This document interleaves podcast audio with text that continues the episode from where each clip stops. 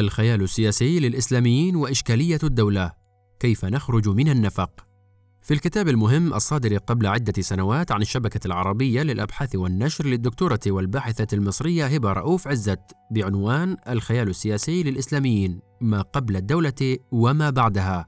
تطرح الباحثة العديد من الإشكالات التي واجهت وتواجه الحركات الإسلامية والمفكرين الإسلاميين في نظرتهم للدولة والقضايا المعاصرة في العالم وكيفية مقاربة مختلف التطورات التي تحصل حولنا في العالم.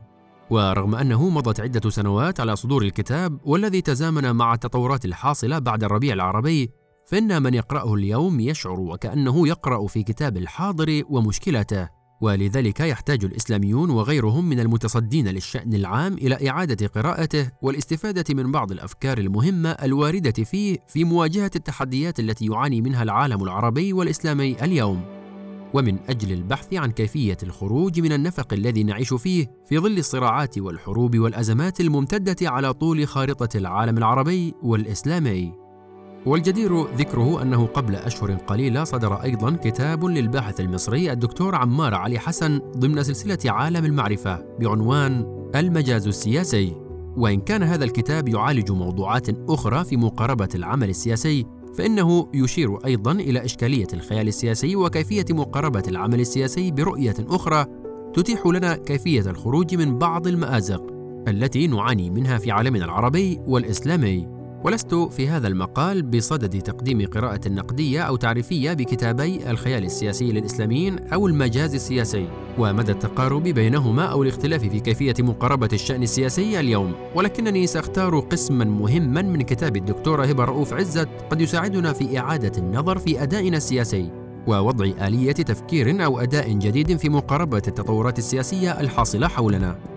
ففي القسم الرابع من الكتاب تتحدث الكاتبة عن اتجاهات جديدة في دراسة المفاهيم على صعيد مقاربة الواقع السياسي ومنها التحليل المخالف للواقع وهو يشبه المحاكاة إلى حد كبير ويوظف فلسفة نظرية المباريات لكنه لا يستخدم المنهج الكمي أو الإحصائي بل هي لعبة تقوم على قاعدة تغيير المقدمات ودراسة سيناريوهات تغيير النتائج بناء لذلك. وكمثال على ذلك تقول الباحثة ماذا لو كانت القيادة السياسية في بلد ما أثناء نزاع ما أو حرب هي قيادة ديمقراطية بدلاً من القيادة الفاشية التي حكمت؟ وكيف ستكون النتائج؟ وتقوم هذه المحاولة النظرية على الربط بين مساحات ذهنية ومفاهيم لم يكن من الممكن الجمع بينهما بالعودة إلى الواقع وحده وتحكيمه، أي أنها تستخدم الخيال في تفكيك الأبنية المفاهيمية وتركيبها بشكل تجريبي.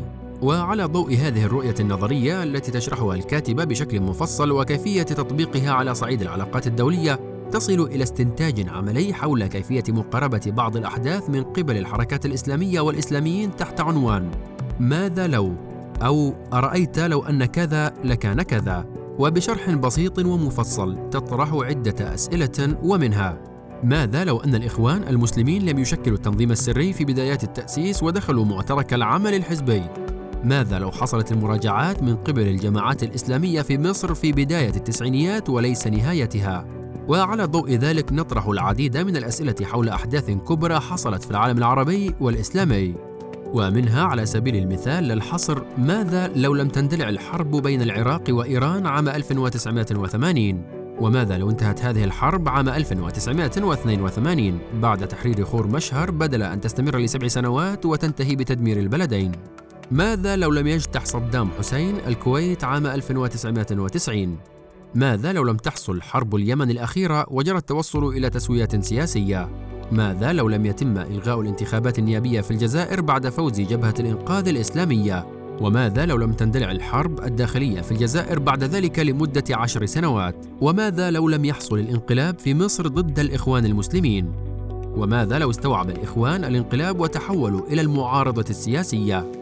وماذا لو لم تتحول المعارضة السورية من الدعوة إلى الإصلاح إلى صراع عسكري وحصلت عملية إصلاح سياسية قبل عشر سنوات؟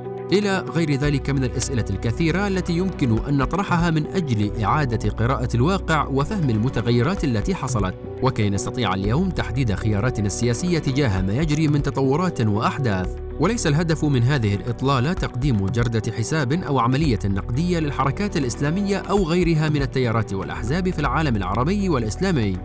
أو إجراء جردة حساب لكل الواقع العربي والإسلامي. وإن كان ذلك مطلوبا اليوم وكل يوم. لكن الهدف هو كيفية البحث عن أفكار عملية للخروج من هذا النفق الذي نعيش فيه جميعا من حروب وأزمات وصراعات تؤدي إلى تدمير بلادنا وتبديد الثروات ونشر الحقد والكراهية أليس بالإمكان اليوم اتخاذ قرار نهائي وحاسم من القوى المتصارعة في اليمن لوقف هذه الحرب والبحث عن تسوية دائمة؟ أليس بالإمكان التوصل إلى تسوية سريعة بين إيران من جهة وبعض الدول العربية من أجل عقد تفاهم عربي وإسلامي وملء الفراغ الحاصل في المنطقة عبر نظام إقليمي أو نظام تعاون أو تكامل عربي وإسلامي جديد؟ أليس بالإمكان إنهاء الانقسام السياسي في الساحة الفلسطينية والعمل لبناء مشروع مقاوم قادر على مواجهة الاحتلال الصهيوني؟ ألا يمكن القيام بمبادرات سياسية لوقف الصراعات والانقسامات في مصر وليبيا وتونس والسودان وغيرها من الدول العربية؟ كل ذلك يحتاج لقرارات جريئة ومواقف حاسمة تخرجنا من الأفق الضيق والبحث عن مصالح الشعوب بدل حماية الحكام والأنظمة. كي لا نقول يوما ما ماذا لو عملنا كذا أو فعلنا كذا أو لو اتخذنا القرار الصائب؟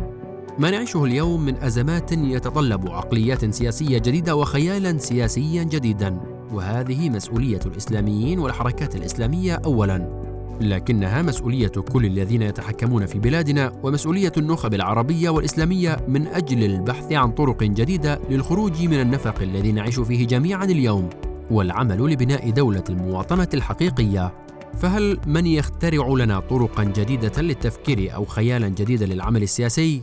أم سنظل نقبع في هذا النفق المظلم؟